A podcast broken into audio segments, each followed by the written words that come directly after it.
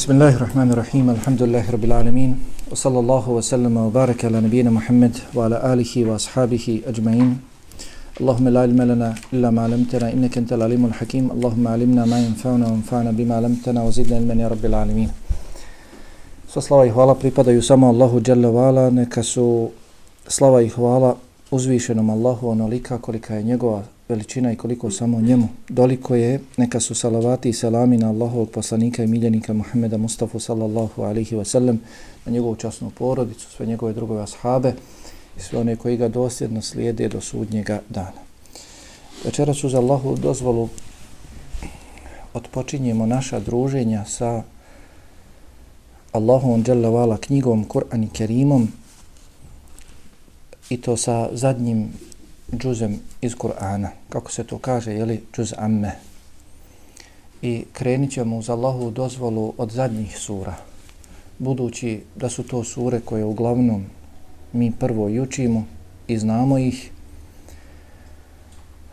a nije samo cilj da se nauči neka kuranska sura ili da se što više nauči Kur'ana, već je cilj da se to razumije, da se poznaje značenje i da se potome postupa, da se potome radi. Kao što vam je poznato, Allah subhanahu wa ta'ala na mnogim mjestima u Kur'anu poziva na tedebur, poziva na razmišljanje u Kur'anu. Ne poziva samo na čitanje. Jeste, dakle, došlo je u vjerodostojnim hadisima Allahovog poslanika, alaihi salatu wasalam, da ko prouči jedan harf, ima deset dobrih dijela. Za svaki proučeni harf iz Kur'ana i Kerima čovjek ima deset dobrih dijela, deset sevapa, Pa kaže elif, lam, mim nije jedan harf, već je elif harf, lam harf i mim harf. Dakle, to je tri harfa, 30 dobrih dijela. Dakle, imaju vrijednosti za učenje Kur'ana. Međutim, cilj objavljivanja Kur'ana jeste da se Kur'an izučava, da se Kur'an proučava, da se saznaje šta nam to uzvišeni poručuje, šta nam naređuje, šta nam zabranjuje i da potome, da potome radimo. Kao što Allah subhanahu wa ta'ala nekoliko puta sam vam govorio, u 78. ajetu sure Al-Bekare kaže da su neuki oni koji znaju samo čitati Kur'an. Dakle, da nisu učeni oni koji znaju čitati Kur'an. Nije cilj objave Kur'ana da se Kur'an čita samo. Kao što kaže u 78. ajetu sura Al-Bekare وَمِنْهُمْ أُمِّيُونَ لَا يَعْلَمُونَ الْكِتَابَ إِلَّا أَمَانِي وَإِنْهُمْ إِلَّا يَظُنُّونَ I od njih ima neznalica, neukih koji ne znaju za knjigu, osim da je čitaju ovaj ajet je nažalost u svim do sad postojećim prijevodima pogrešno preveden, zato i ne uzimamo ibreta, poruke i pouke iz tog ajeta. Dakle, prijevod je i od njih ima neukih koji ne znaju za knjigu objavljenu, osim da je čitaju. Dakle, Allah subhanahu wa ta'ala ne smatra nešto posebnim one koji znaju čitati, jer Kur'an i svaka prethodna objava nisu bile objavljene da se čitaju, već dakle da se izučavaju, proučavaju i rade, rade, jeli, da ljudi rade po njima. Pa ćemo uz Allahu dozvolu, jeli, krenuti od tih kraćih kuranskih sura i do kraja ovog džuza ići. Kao što vam je poznato, jeli, u Kur'anu ima 114 sura, jeli tako? U Kur'anu ima 114 sura. I vidjet ćete gore na početku odmah svake sure stoji Mekka Medina, Mekanska Medinska sura. Dakle, neke sure od tih 114 su mekanske, neke su medinske. Koje su mekanske sure? Koja je razlika između mekanskih i medinskih sura? Ima mnogo detalja po kojima se one razlikuju. Glavna razlika je ta što su mekanske sure, sve one sure koje su objavljene prije hijdžre Allahov poslanika Muhammeda sallallahu alaihi sallam iz Mekke u Medinu. Dakle, sve sure, ma gdje bile objavljene, ali koje su objavljene prije hijdžre, smatraju se mekanskim. Sve sure koje su objavljene posle hijdžre u Medinu, ma gdje bile objavljene što se tiče teritorije, smatraju se smatraju se medinskim, je tako? I poslije hijdžre, Allahov poslanik alaihi salatu sam je išao, bila je Hudejbija, bilo je osvojenje Mekke, bilo je posle Hunein, sve je to dakle okolina Mekke, međutim, te sure se smatraju medinske sure. Medinske sure. Pa uzet ćemo odmah zadnje dvije sure. Budući da je i objava tako tekla, objavljene su zajedno, jeli sure, dvije zadnje, Felek i Nas. Pa ćemo ako Bog da večeras uzeti, uzeti te, dvije, te dvije sure. Dakle, sura Felak i sura Nas. To su sure s kojima je završena Allahova subhanahu wa ta'ala knjiga. I kada vidimo, dakle, komentari, kada vidimo značenje tih sura, zaključit ćemo da nimalo nije čudno što je Allah subhanahu wa ta'ala s njima zapečatio svoju knjigu. S njima završio Kur'ani, Kur'ani Kerim. Dakle, sura Felak i sura Nas. Povod objave ovih sura. Poznato vam je, vjerodostojno, zabilježeno kod Buharije, kod muslima, da je Allahovom poslaniku, alihi salatu wasalam, napravljen sihr. To se bilježi i kod Buharije, kod muslima. Vjerodostojno, bez imalo sumnje, da je Allahovom poslaniku, alihi salatu wasalam, bio sačinjen sihr, napravljen sihr. U drugim hadijskim zbirkama, kod imama Ahmeda i kod drugih, a u tefsirima pogotovo, spominje se dodatak na te hadise zabilježene kod Buhari i kod muslima. Pa se kaže u tim dodacima da je taj sihr bio svezan sa 11 čvorova, da je bio svezan sa nekakvim končićem, konopčićem i sa 11 čvorova. I nije se mogao nikako uništiti. Pa je Melek Džibril došao sa ovim surama od Allaha subhanahu wa ta'ala. Tada su objavljene sure Felek i Nas. Sura Felek ima pet ajeta, sura Nas ima šest ajeta. Dakle, došao je sa dvijema surama koje imaju 11 ajeta. Tako spominju komentatori. Pa kada bi svaki od tih 11 ajeta bio učen jedan po jedan čvor, bi pucao. I na takav način se došlo do sihra i uništio se sihr. Tako se spominje u komentarima. Pa zavisno ukoliko se prihvati dakle ovo kazivanje, ovi dodaci, onda se kaže da je i sura Felek i sura Nas Medinska sura. Je tako? Jer nam je poznato da sihr, ko je sihr napravio Allahom poslaniku alihi salatu wasalam? To je bilo u Medini, dakle. To je bilo onda u Medini. Dakle, Allahov poslanik alihi salatu wasalam je boravio u Medini, učinio hijđru, Rekli smo, glavna razlika između mekanskih i medinskih jeste hijđara. Sve što je objavljeno posle hijđara smatra se medinskim surama.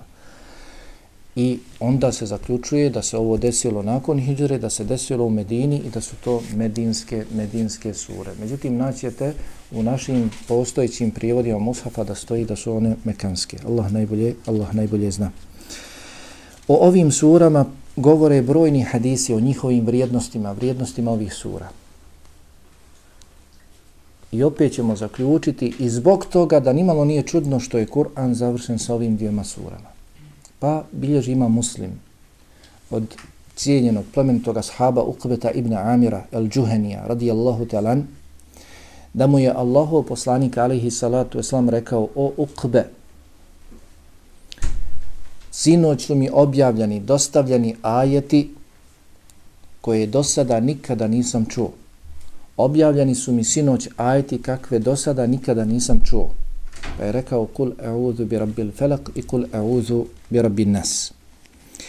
U dodatku citatu kod imama Nesaje i također taj citat vjerodostojen stoji da je Allahov poslanik alihi salatu sam rekao o ukbe, hoćeš li da te podučim najboljim dvijema surama koje su zajedno objavljene dvijema surama koje su ikada učene dvije sure koje su objavljene zajedno i koje su ikada učene, pa je rekao kul a'udhu bi rabbil felak i kul a'udhu bi rabbin nas. Zatim mu je rekao uči kad god legneš, kad god hoćeš da spavaš i uči ih kad god ustaneš, kad god se probudiš, doista niko ništa nije tražio od Allaha sa tim surama.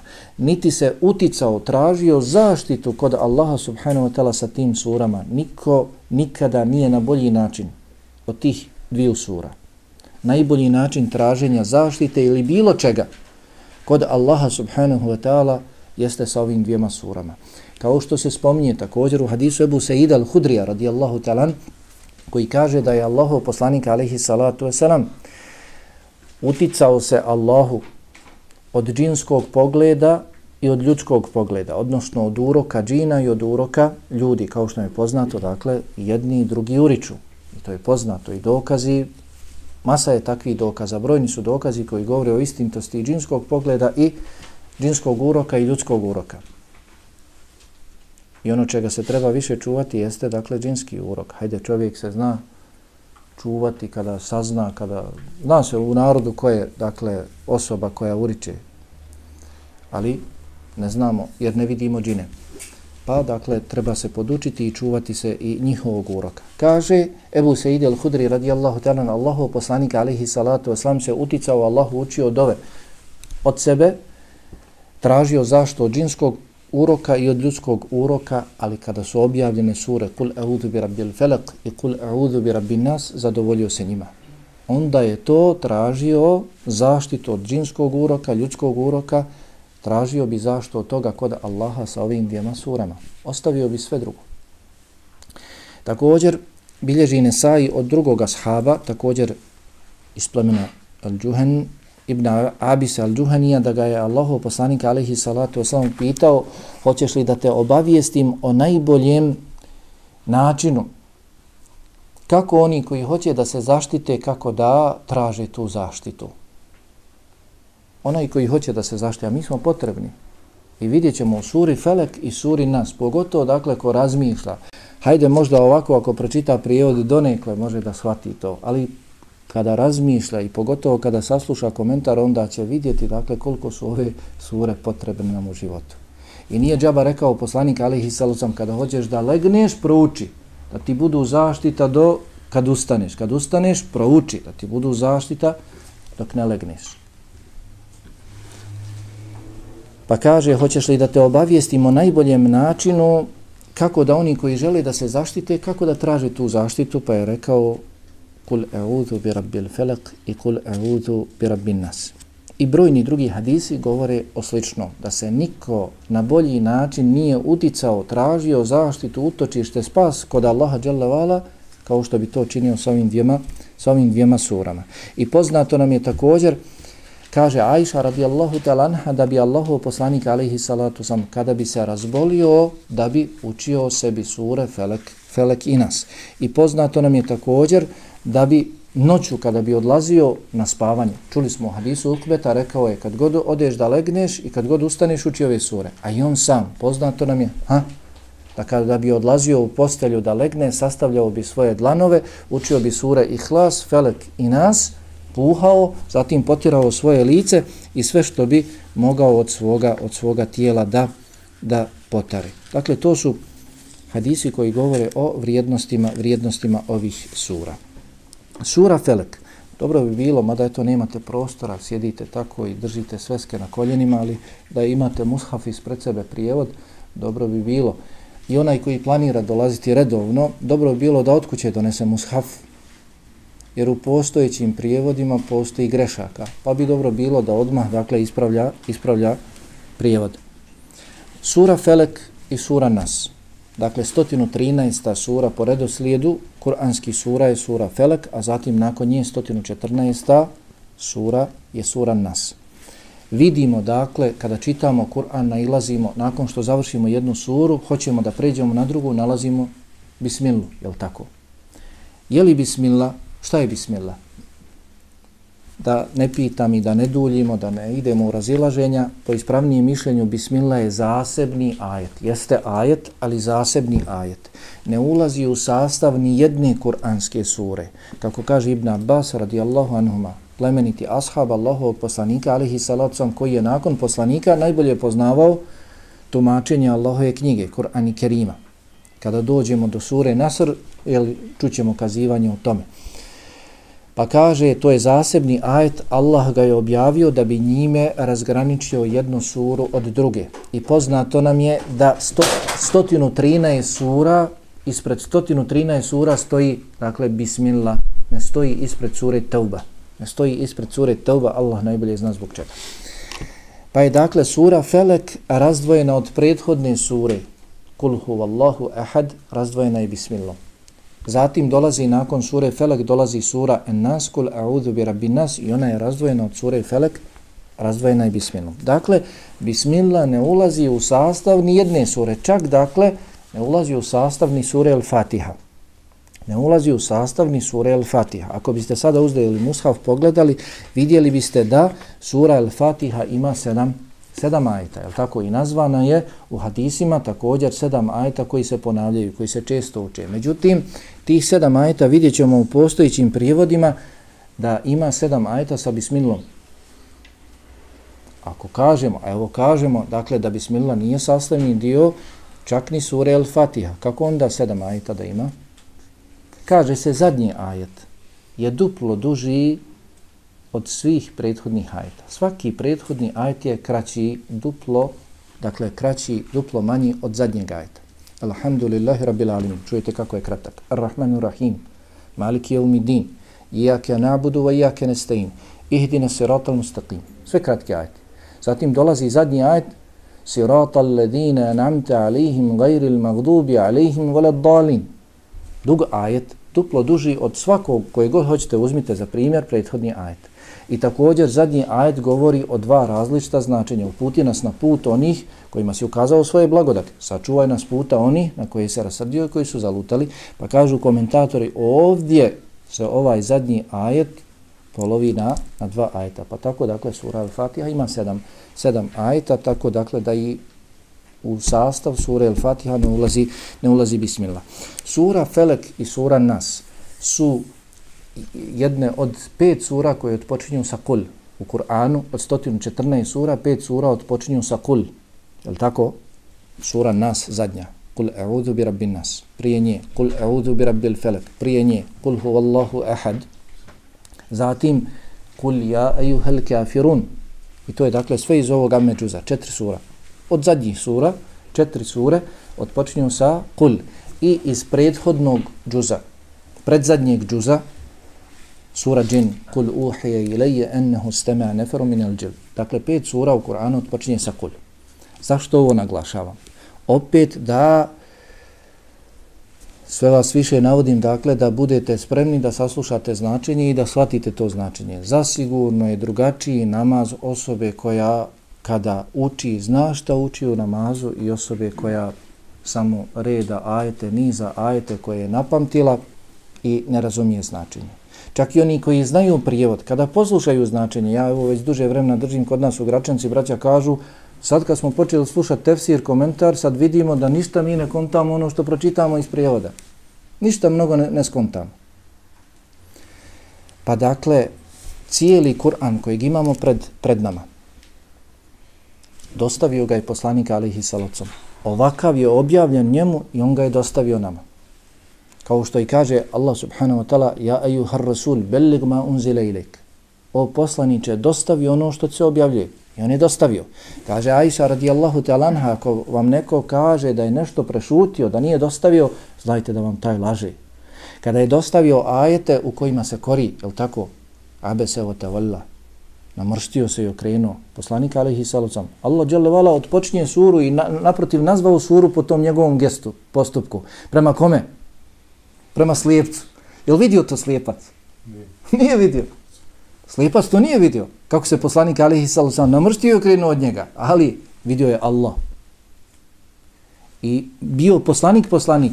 Prema takvim osobama, posebnim kategorijama, osobama sa posebnim potrebama treba se posebno obhoditi. Makar bio poslanik, treba da se zna kako se ponaša. Pa ga kori tu. Pa u suri Tahrim, početak suri Tahrim, isto.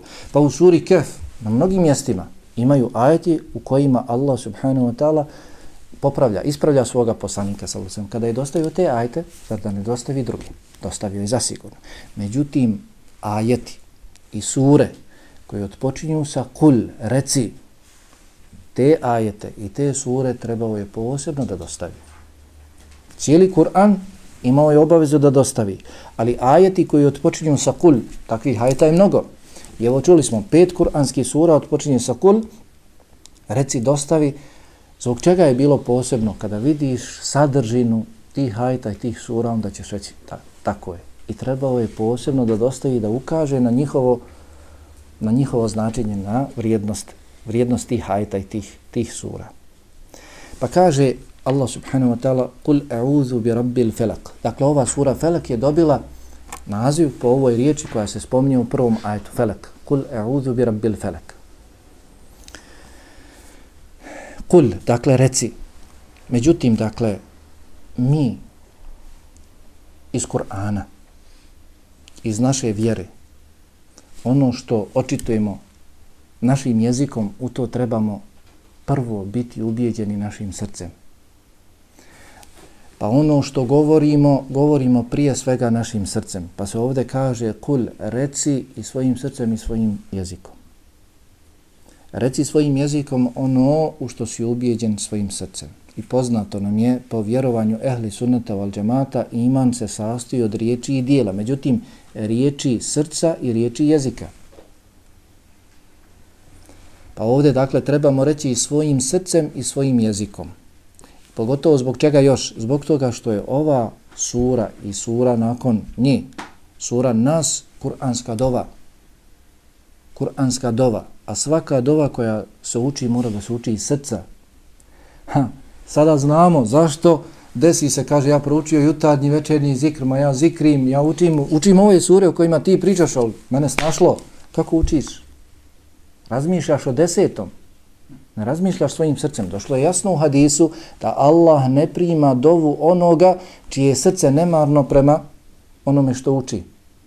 On uči, on je napamtio sure, napamtio druge kuranske dove, zapamtio hadise, dove, zikrove od poslanika, alihi salusu. Međutim, ne zna. Imaš čovjeka koji će ti sada citirati jutarnji večernji zikr, a da ga pitaš prijevod toga, ne zna.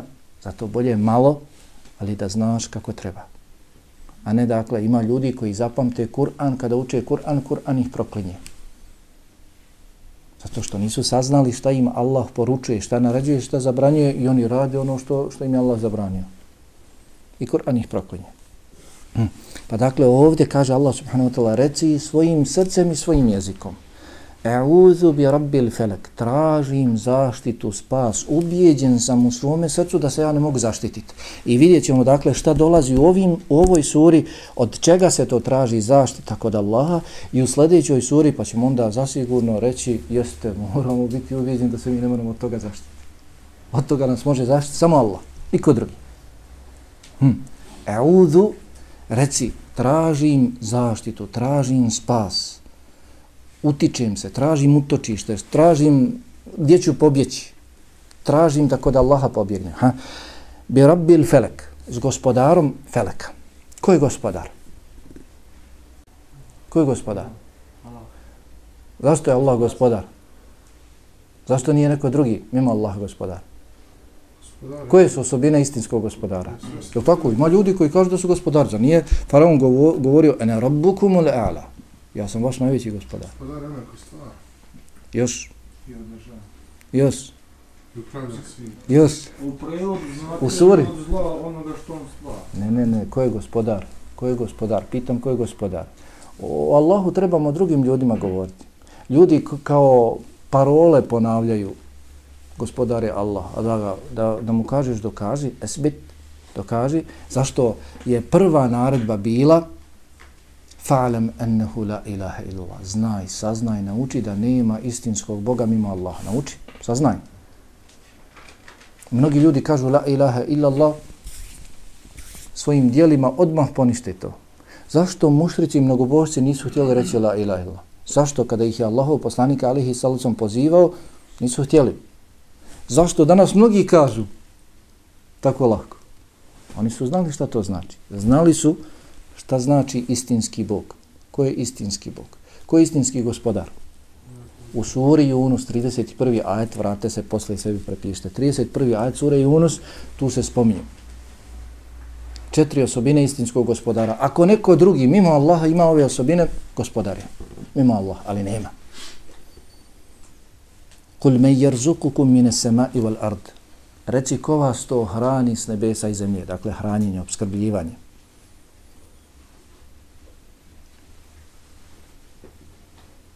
Emmen jemliku sem'a wal absar. Je li to onaj koji vlada sluhom i vidom? Ome yuhriđu l'hajje min al mejiti wa yuhriđu l'mejite min al haj. Je li to onaj koji iz mrtvog izvodi žive i od živih čini mrtve? Ome yudebiru l'amr, je li to onaj koji uređuje sve? Pa će reći, fe se je kulun Allah. Mušrici mnogo su govorili Allah. أفلا تتقون؟ Zašto se onda ne bojite? Zašto onda ne radite ono što je dobro, ostavite se onoga što je, što je zlo? Dakle, u suri Yunus 31. ajd spominje se stvaranje, spominje se vladanje, spominje se uređivanje i spominje se hranjenje, obskrbljivanje. To su četiri osobine istinskog gospodara. To su posebne osobine Allaha subhanahu wa ta'ala. Zbog tih osobina Allah jedini i zaslužuje da se obožava. I Allah dželavala kada poziva u obožavanje samo njega, da se on prihvati, da se samo njemu pada na seždu, da se samo njemu dovi, da se njemu samo prinose žrtve, da se svaki ibadet čini njemu, govori prvo o svome gospodarstvu, ovim osobinama. Hm? Dokažite, ako neko drugi može da stvori, naprotiv, je tako, na zadnjoj stranci sure Hadž, gore prvom ajetu, Allah subhanahu wa ta'ala kaže, vi mušrici, mnogobosi i one koje vi obožavate ne mogu stvoriti ni mušicu. Ljudi obožavaju, drugi obožavaju kipove, kamenje, ni ti ljudi, Ti njihovi lažni bogovi idoli ne mogu stvoriti mušcu. Ne mogu od mušice ono da vrate što im ona uzme od hrane. Allah sve ovo stvori. I oni obožavaju kipove, obožavaju kamenja, obožavaju drveće, oni tamo obožavaju, oni miševe, krave obožavaju. Zato Allah kada poziva da se on obožava jedan jedini govori o ovome, da on sve stvara, da on svim stvorenim vlada, ništa ne, ne izmiče njegove kontrole. Na nekoliko mjesta u Kur'anu Allah kaže da sve skladno plovi, sve ide, sve se kreće do određenog roka. Sve to uređuje Allah i sve to obskrbljuje. Niko ne živi na dunjaluku bez nafake, bez obskrbe. Ha, prestaje biti bez obskrbe kada mu dođe ađal. Gotovo, dok si bio živ imao si. Kada dođe vrijeme da umreš, onda nemaš. Ha, dakle, to je gospodar. Pa zasigurno, ha? Kod takvog tražimo zašto? Kod onoga koji nas je stvorio, koji vlada nama, upravlja nama, koji nas obskrbljuje. Felek, bi rabbil felek. Felek, šta je felek? Kod nas je prevedeno, je tako, svitanje. Kod nas je prevedeno svitanje. Felek, prije svega, u arapskom jeziku, dakle, ima značenje raspuknuća, promjene stanja iz jednog u drugo, dolaska nakon jednog nečega drugog, Pa imamo u suri Al-An'am, kaže Jalla wala inna Allahe falikul, falikul habbi wan nawa. Doista je Allah onaj koji daje da raspukne zrno i košpica. Onaj koji daje da raspukne zrno i košpica iz toga posle rađa. Dakle, el felak jeste, kako je došlo, može se uzeti svitanje. Dakle, nakon noći sviće zora. Nakon noći dolazi dan. Nakon tegobe, teškoće, nedaće, dolazi izlaz nakon jednog stanja dolazi drugo stanje. Ha. I vidit ćemo sada dole u ajetima zlo koje se spomnije. Ako nas zadesi to zlo, tražim gospodar od tebe da me sačuvaš tog zla. Da me izvedeš iz tog stanja, ako me je već snašlo. Hm. Kul e'udhu bi rabbil felek. Dakle, felek ima značenje raspuknuća, ima značenje svitanja, kako je prevedeno i kod nas. Također, pojedini komentatori spominju ima značenje zatvora u džehennemu. Ima značenje provalije u džehennemu. Jedne doline u džehennemu. Nise.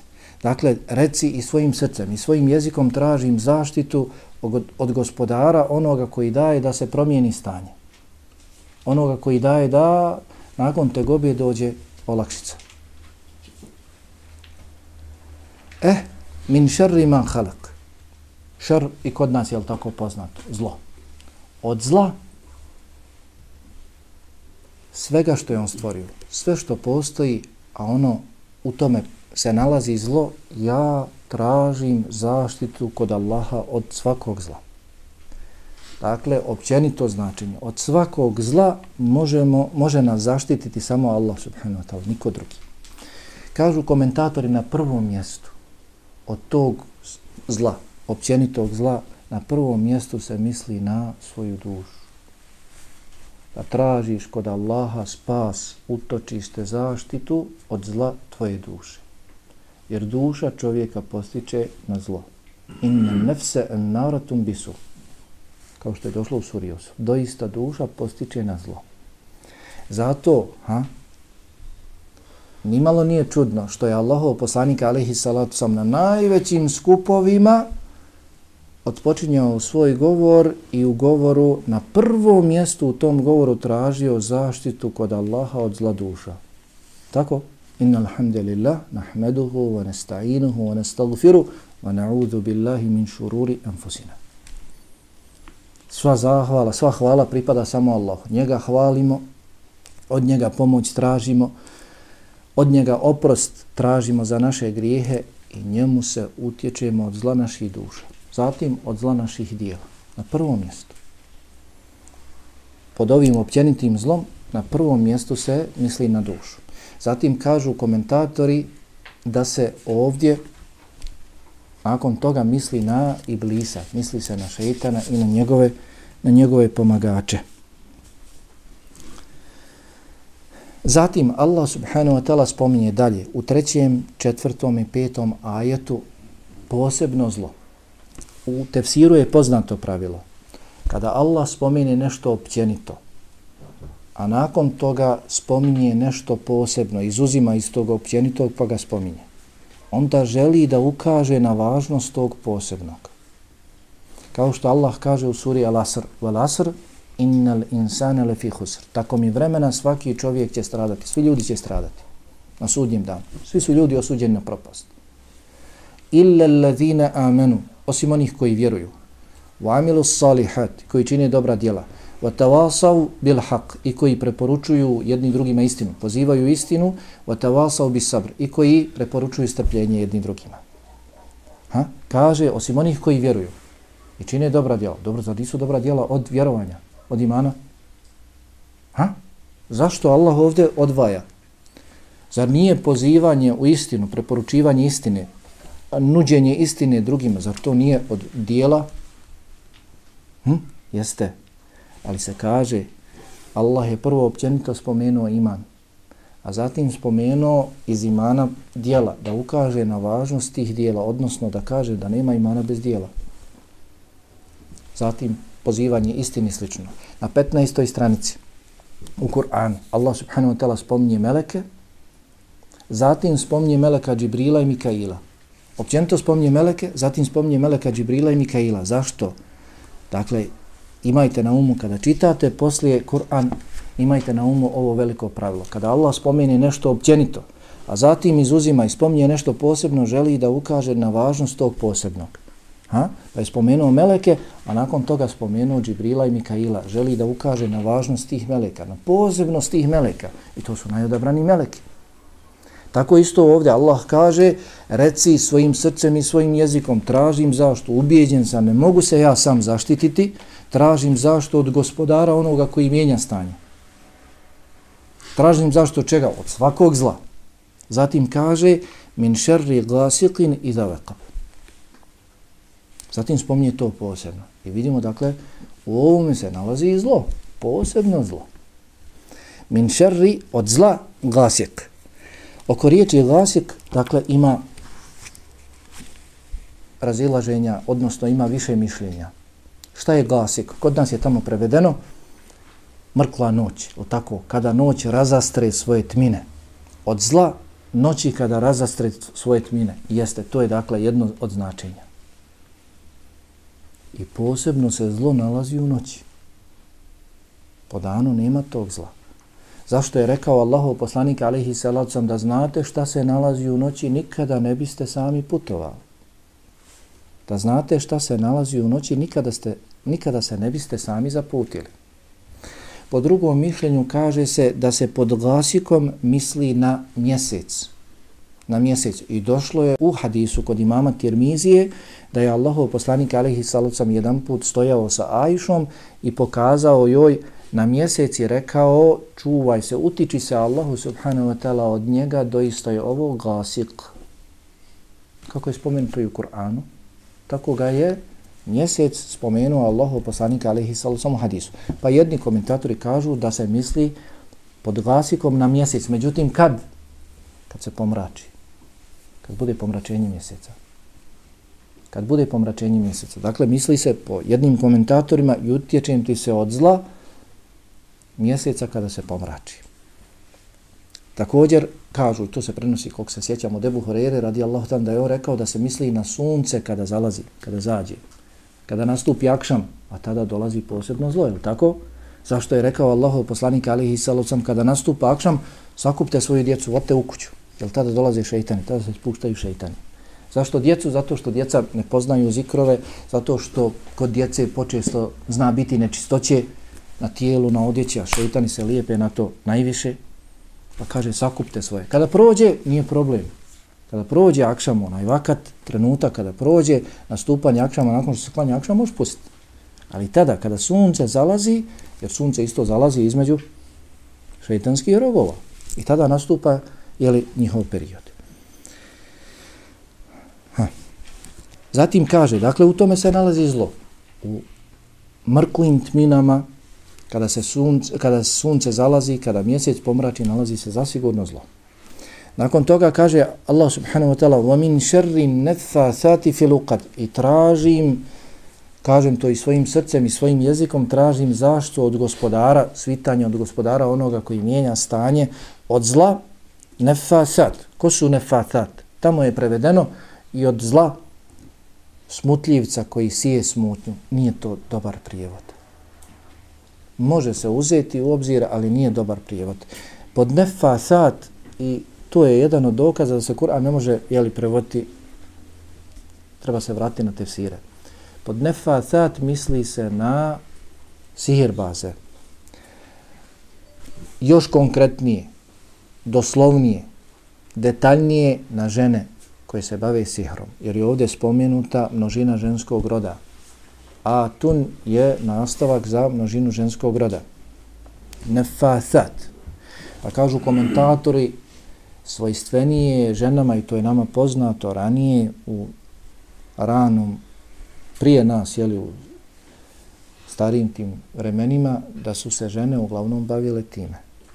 Rijetko se mogao naći neki muškarac. Uglavnom bilo je tih nekih nena sa jeli, šamjama podvezanim koje se bavile time min šerri nefasati fil uqad i od zla, dakle, onih žena sihirbazica koje pušu u čvorove. Na takav način prave sihr i svežu.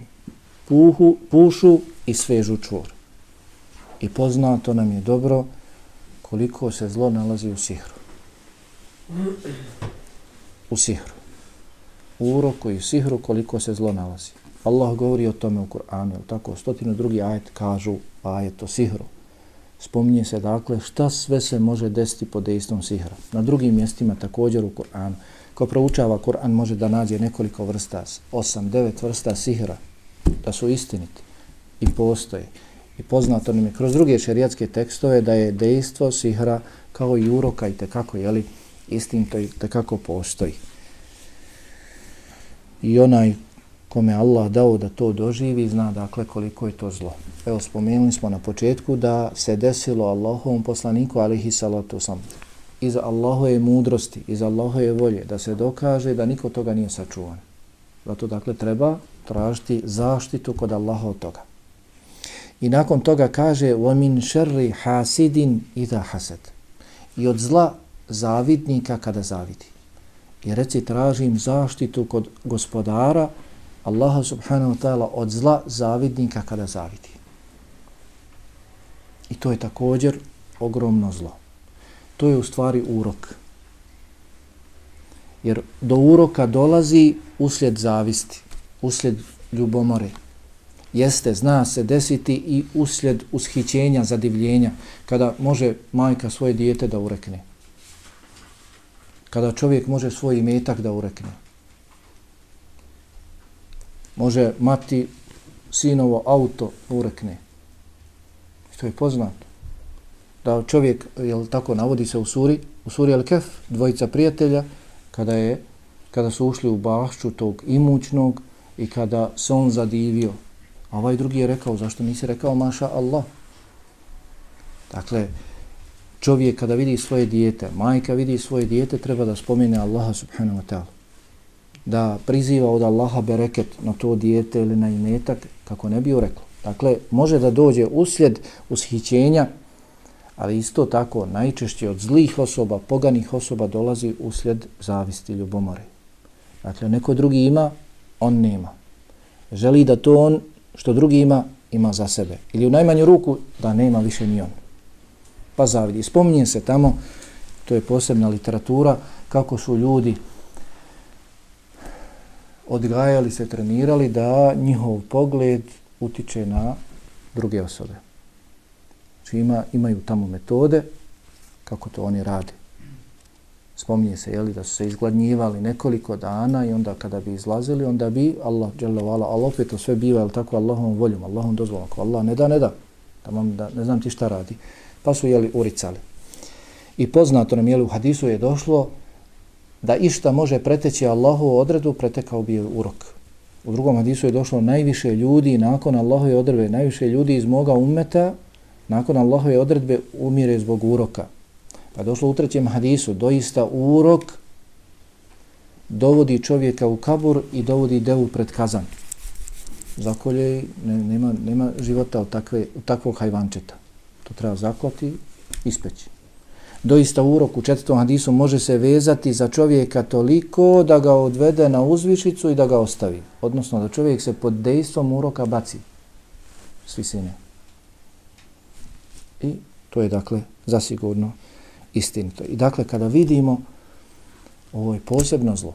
Najviše ljudi iz ovoga umeta umire od uroka nakon Allahove odredbe. Od sihra također. Ne samo ubistva ili smrt razvaljivanje porodica, uništavanje porodica, spajanje osoba koje se ne vole, opet dakle u braku, takvom braku dolazi do problema i zasigurno, pa dakle vidimo zbog čega, zbog čega se spominju posebno ova zla. Da priđemo na suru sada nas. Čuli smo dakle povod objave,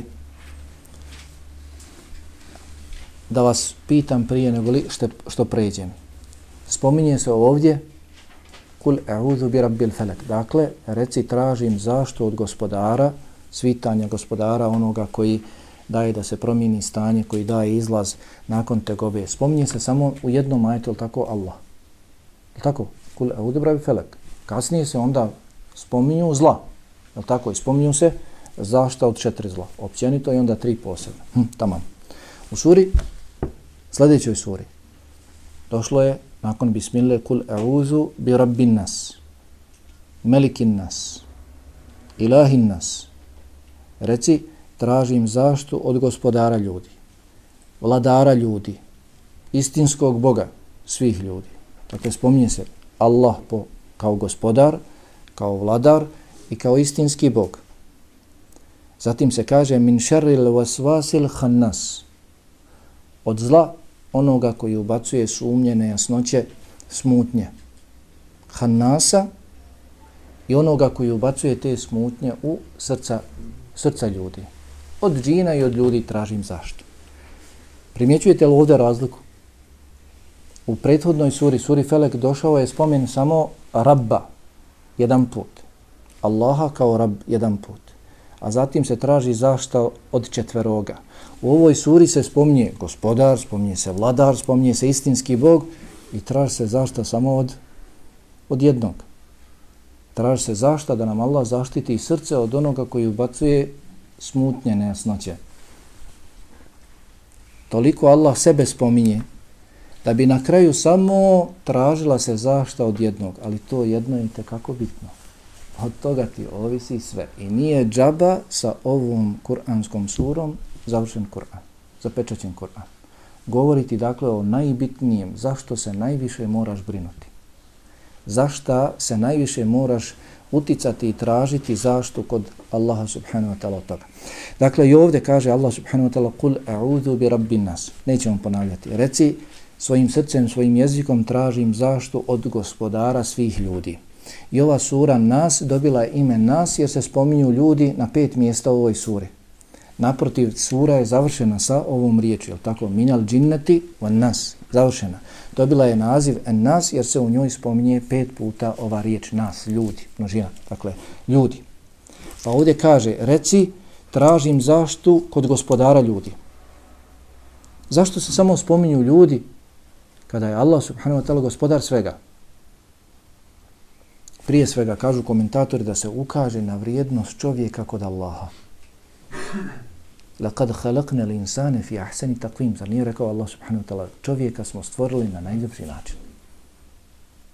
Čovjek je kod Allaha posebno stvorenje. Pa nemoj tu svoju posebnost nemoj tu svoju vrijednost kod Allaha da kaljaš, da rušiš. Allah te stvorio kao svoje najčasnije stvorenje Kao što kaže također na drugom mjestu, وَلَقَدْ كَرَمْنَا بَنِي آدَمِ Mi smo počastili Ademovo potomstvo čovjeka, uzdigli, dali mu počast kako nismo nikome dali. Pa kažu zbog toga, zbog vrijednosti čovjeka. Kažu zbog zla ljudi koji se spominje. Zbog toga što ljudi prvenstveno trebaju učiti ovu suru. Jeste, Kur'an je objavljen i džinima i ljudima. Međutim, prvenstveno, dakle, ljudima. Pa se zbog toga ovdje spominju ljudi. I zašto u dva, tri ajeta se spominju ljudi, vidjet ćemo, zbog ljudskog zla. Pa kaže Allah subhanahu wa ta'ala, tražim, reci tražim zaštitu, spas, utočište s gospodarem ljudi, vladarom ljudi. Evo ga ovdje opet ponovo pravilo. Nakon što je Allah subhanahu wa ta'ala spomenuo sebe općenito kao gospodara, poslije sebe spominje kao vladara. Rekli smo da je jedna od osobina istinskog gospodara i vladanje. Pa kaže vladara ljudi, meliki nas. Zašto Allah spominje ovu svoju osobinu? Zato što mi tražimo kod Allaha zaštitu da te zle džine i zle ljude drži u svojoj vlasti, da ih ne pušta ka nama. On je vladar svih nas, i tih džina i tih ljudi, od kojih se utičemo Allahu. Allah je vladar svih nas, pa ga molimo da ih drži u svojoj vlasti, da ih ne pušta ka nama. Zatim dolazi ilahi nas, istinskog Boga ljudi. Dakle, reci, tražim zaštitu, utočište kod istinskog Boga svih ljudi. Zašto dolazi istinski Bog svih ljudi? I ovo je također ha, jedan prelijepi zaključak. Allah je odpočeo Kur'an sa imenom Allah i završio sa imenom Allah. Ilah, ilah je isto što je Allah. Ilah je isto što je Allah. Dakle, Allah je otpočeo svoju knjigu Alhamdulillah. Koje je prvo ime spomenuto u Kur'anu? Allah. Koje je zadnje ime spomenuto u Kur'anu? Allah. Pa reci, tražim zaštitu kod istinskog Boga svih ljudi. Zašto ovdje je došao, došao spomen Allaha, istinskog Boga svih ljudi? Ti zli džini i ti zli ljudi, i njima je bola naređeno da obožavaju Allaha. I oni trebaju da se ostave tog zla. Činiti ibadet Allahu znači činiti ono što je Allah naredio, ostaviti se onoga što je Allah zabranio. Pa mi tražimo zaštitu, pribjegavamo Allahu, utičemo se Allahu, tražimo od Allaha da ih, da njihovo stanje preokrene, da se ostave tog zla, da njega uzmu doista za istinskog Boga, da obožavaju samo njega, da se ostave tog zla i da čine dobra djela. Mi priznajemo i tražimo zaštu od istinskog Boga svih ljudi, zato što i mi trebamo činiti dobra djela, Mi trebamo ibadetiti Allahu, istinskom Bogu svih nas, trebamo činiti dobra djela jer nam je potrebna njegova, njegova zaštita. E, nakon toga dolazi min šerril vasvasil hannas, od zla vasvasa. Kod nas je poznata riječ među nama, je tako, uvriježila se vesvese, vesvese, vesvese. E? Vasvas je dakle onaj koji mnogo ubacuje te vesvese. Vesvese su smutnje, sumnje, nejasnoće, nedomice min šerril vasvas. Vasvas. Misli se dakle na i džina i čovjeka. Kao što će se to reći u zadnjem ajetu. Hannas. Ko je Hannas? U postojećem prijevodu stoji od zla šeitana napasnika. Hannas napasnik. Odnosno, dakle, onaj koji napada. Međutim, taj napada i povlači se. Hannas u arapskom jeziku. Čak je došlo u hadisima i u govoru ashaba. Došlo je u hadisu Enesa ibn Malika kod Ebu Jale u njegovom musnedu da je rekao poslanik sallallahu alaihi sallam da je Hanas šeitan koji napada i povlači se.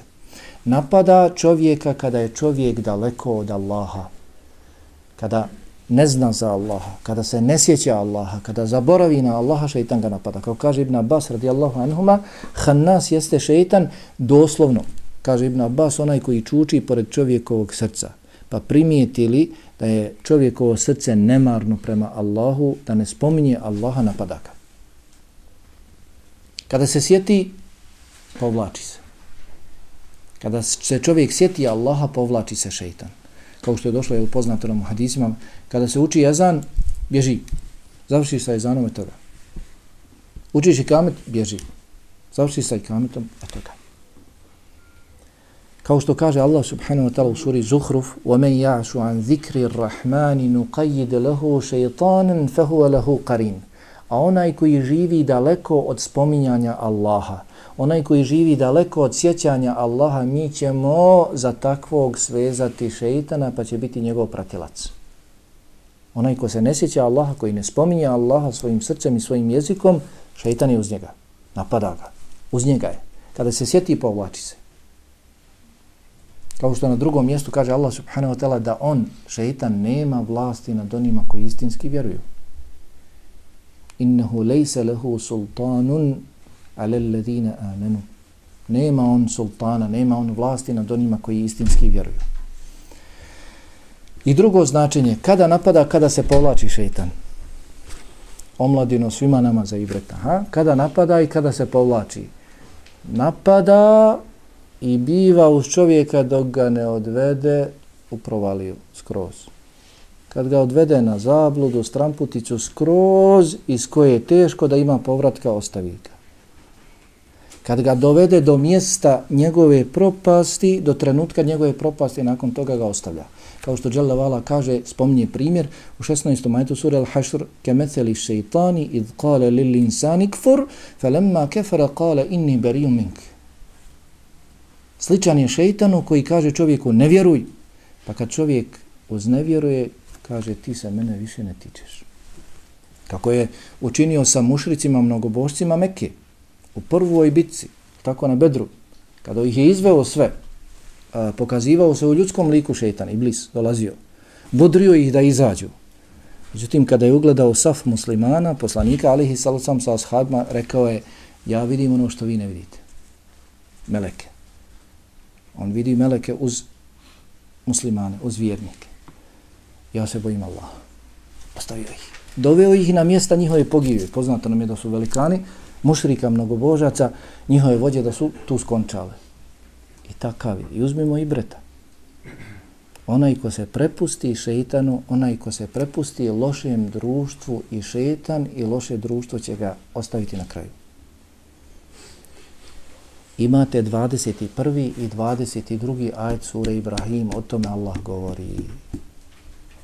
I o lošem društvu i o šeitanu. Onaj ko se prepusti šeitanskim stopama, na kraju će ga šeitan definitivno ostaviti. I onaj ko bude slijedio nekoga u zlu, taj će ga se odricati sutra. Ha?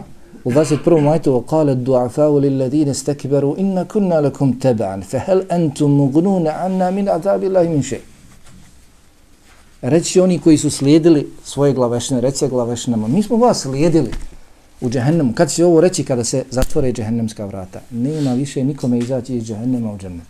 Zadnji koji je trebao da uđe u džennet ušao je. I zatvorila se vrata dženneta, zatvorila se vrata džehennema. Pa će onda, kada vide gotovo je, nema više izlaska. Ko je izašao, izašao. Pa će slabiji reći oni, odnosno oni potlačeni koji su slijedili, oni koji su odazivali, reće, mi smo vas slijedili, mi smo bili vaši sledbenici, mi smo se odazivali vama. Fa halantum anna min azabi Allahi min shay. Možete li vi nama imalo sad umanjiti patnju Allahu? Pa će reći law hadana Allah la hadainakum. Allah nas uputio i mi bismo vas. Svejedno nam je sad dali korili, snabivali se ili trpili, gotovo je. Nakon toga u 22. majetu spominje se odricanje šeitana. Wa qala shaytanu lamma qudiya al-amr nakon što se završi sve presuda, gotovo, ušao u džennet zadnji, u džehennem zatvorena vrata, šeitan će reći inna Allahe va'adekum va'adel haq wa va'adtukum fa'ahleftukum.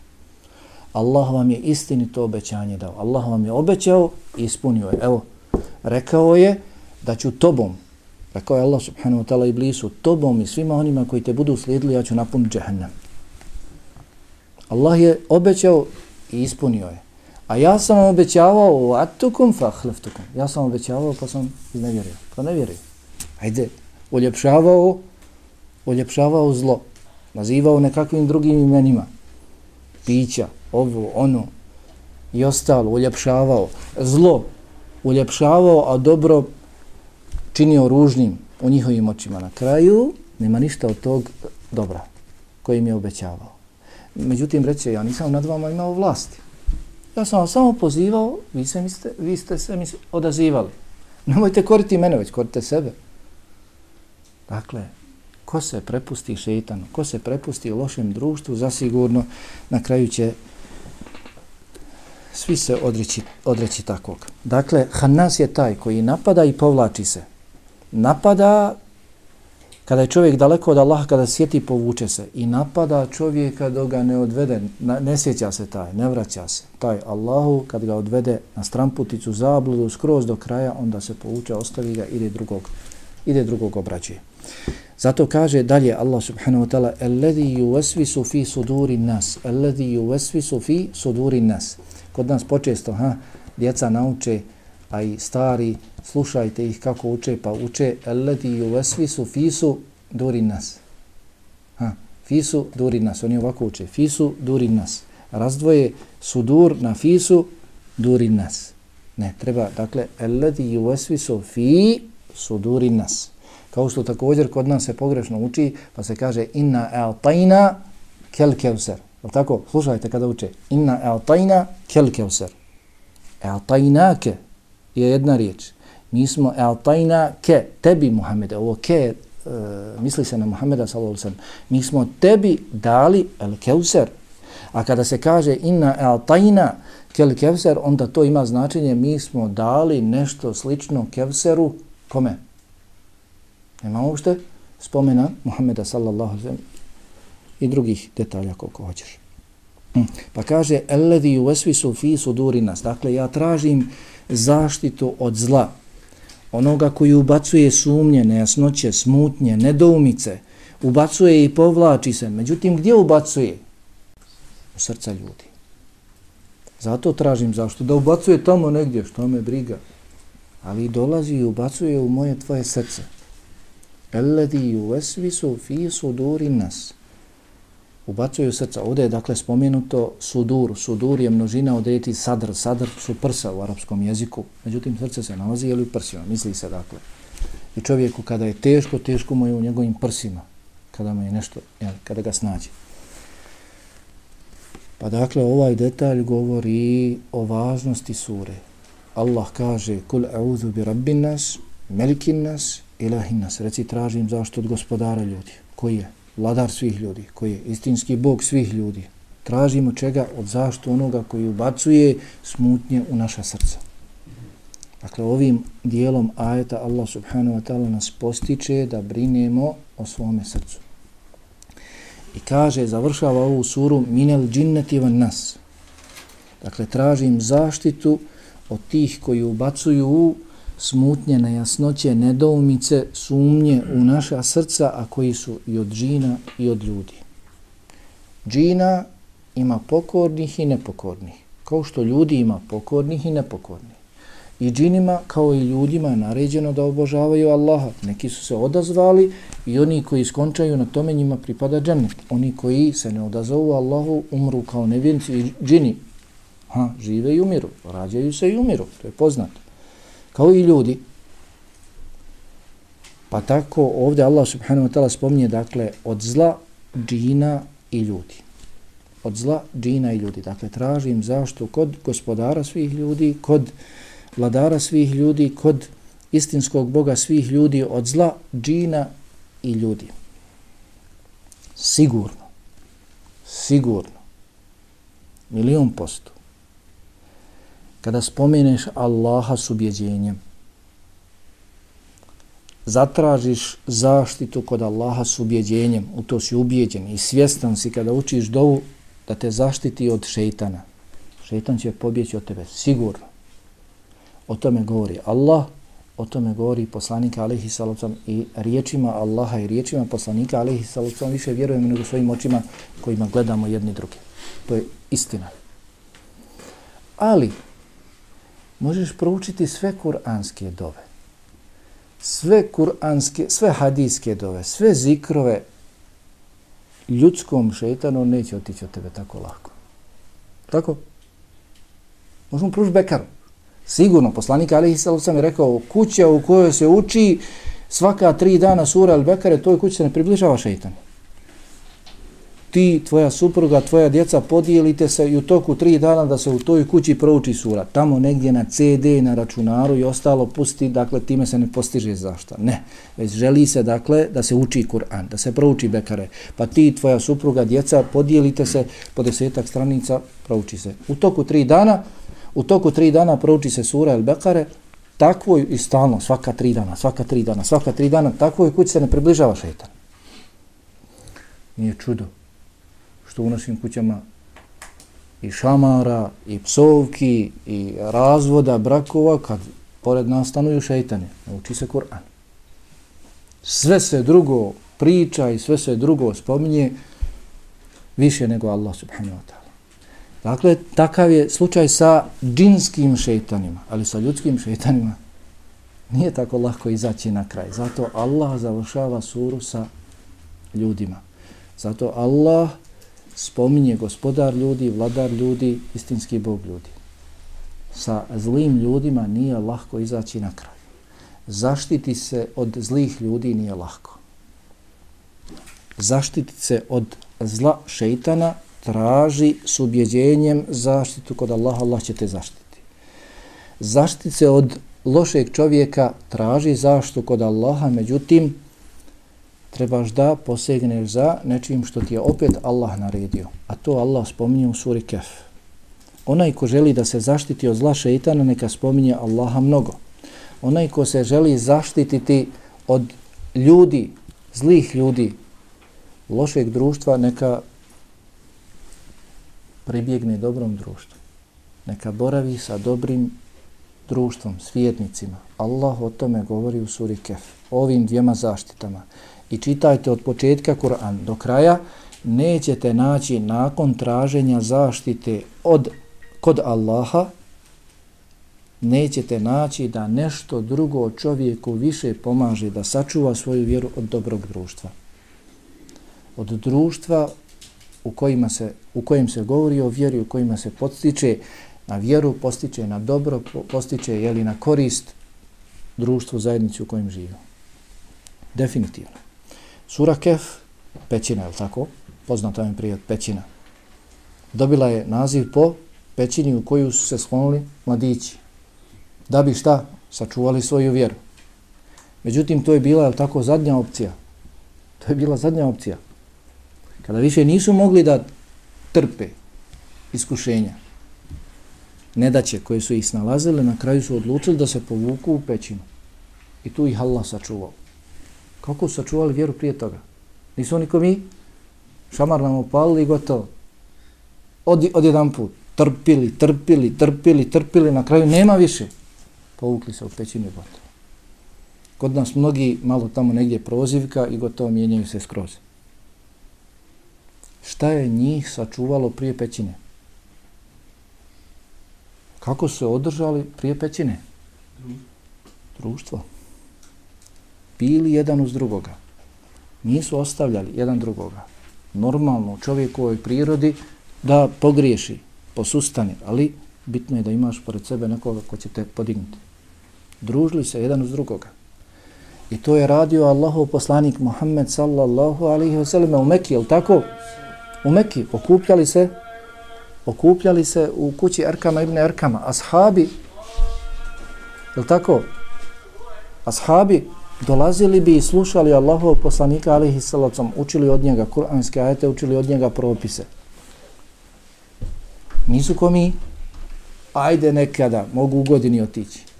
Smo mi to boljeg imana od njihovog imana, oni bi dolazili redovno i učili svoju vjeru. Allah subhanahu wa ta'ala nakon što završava govor o mladićima u suri Kef, u 27. i 28. majtu spominje ove dvije zaštite – Pa kaže u 27. Vatlu ma uhije ilike min kitabi rabbike. Čitaj Muhammede ono što ti se objavljuje u tvojoj knjigi. Evo, sa, u, u, knjizi od tvoga gospodara. Evo, sad smo ti, čita, sad smo ti spomenuli kazivanje o mladićima. Čitaj, izučavaj, proučavaj ono što ti se objavljuje u knjizi tvoga gospodara, o mladićima. Ti nećeš naći u Allahovim zakonima izmjene.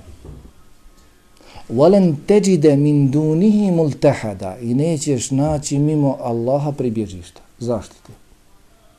Allah spominje sebe na prvom mjestu kao zaštitu. Zatim u drugom 28. majetu, sljedećem majetu kaže وَاسْبِرْ نَفْسَكَ مَعَ الَّذِينَ يَدْعُونَ رَبَّهُمْ بِلْغَدَاتِ وَلَاشِ يُرِيدُ نَوَجَ I strpi se, budi uz one koji jutrom i večeri spominju svoga gospodara da bi zadobili njegovo zadovoljstvo. Budi uz dobro društvo. Traži zaštu kod Allaha i pribjegni dobrom društvu. Zao i dobar ne mogu nikad biti jedan uz drugoga. Može loš da dođe u dobro društvo da se popravi. Ili onaj dobar da ode tamo da se pokvari. Ali da budu jedan pored drugoga dugo, to ne može. Kad je zdrava kruška uz truhlu, ako je ne odvojiš, truhla, istruhnut će i ona. Definitivno. Zato, dakle, ko želi da se sačuva zlih ljudi, neka traži zaštu kod Allaha subhanahu wa ta'ala i neka pribjegne i pribjegne dobrom društvu.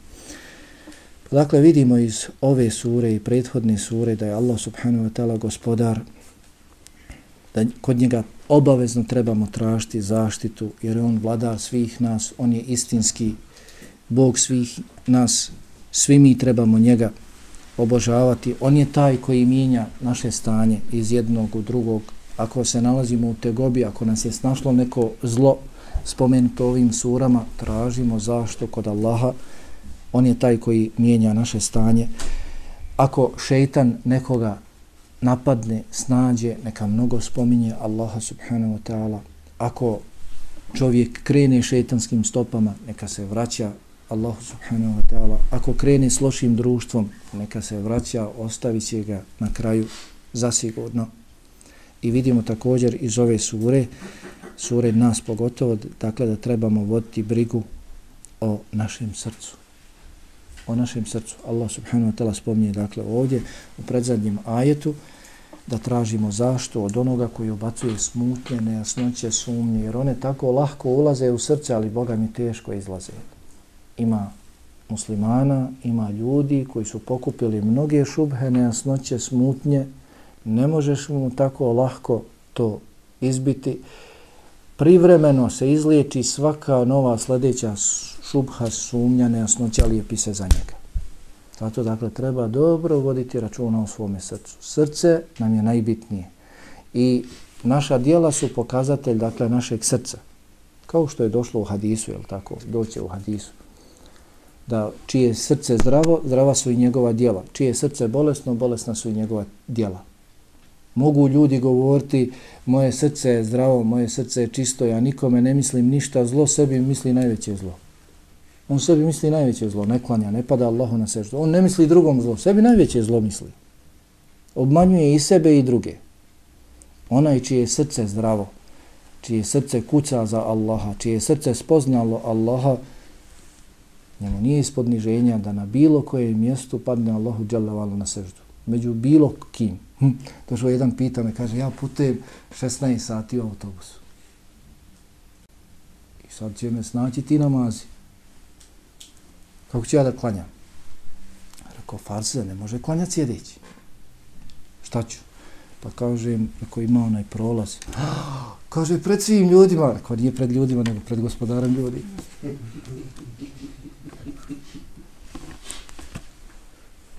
Ako je tvoje srce svjesno Allaha subhanahu wa ta'ala, onda kogod da je oko tebe, kad dođe vakat gotove, mora da se klanja. Ne može da se, jeli, zato dakle, vidimo zbog čega su ove sure bitne, zbog čega je poslanik alihi sallam preporučivao da se uče ujutro, naveče, zbog čega je poslanik sallallahu alihi sallam učio ih, jel tako, nakon namaza, u sklopu zikra, jel, i oporučivao svojim ashabima da je, da je mnogo uče. Staćemo ako Bog da otiš mankalo. Alhamdika šedun ilaha ilaha ilaha ilaha ilaha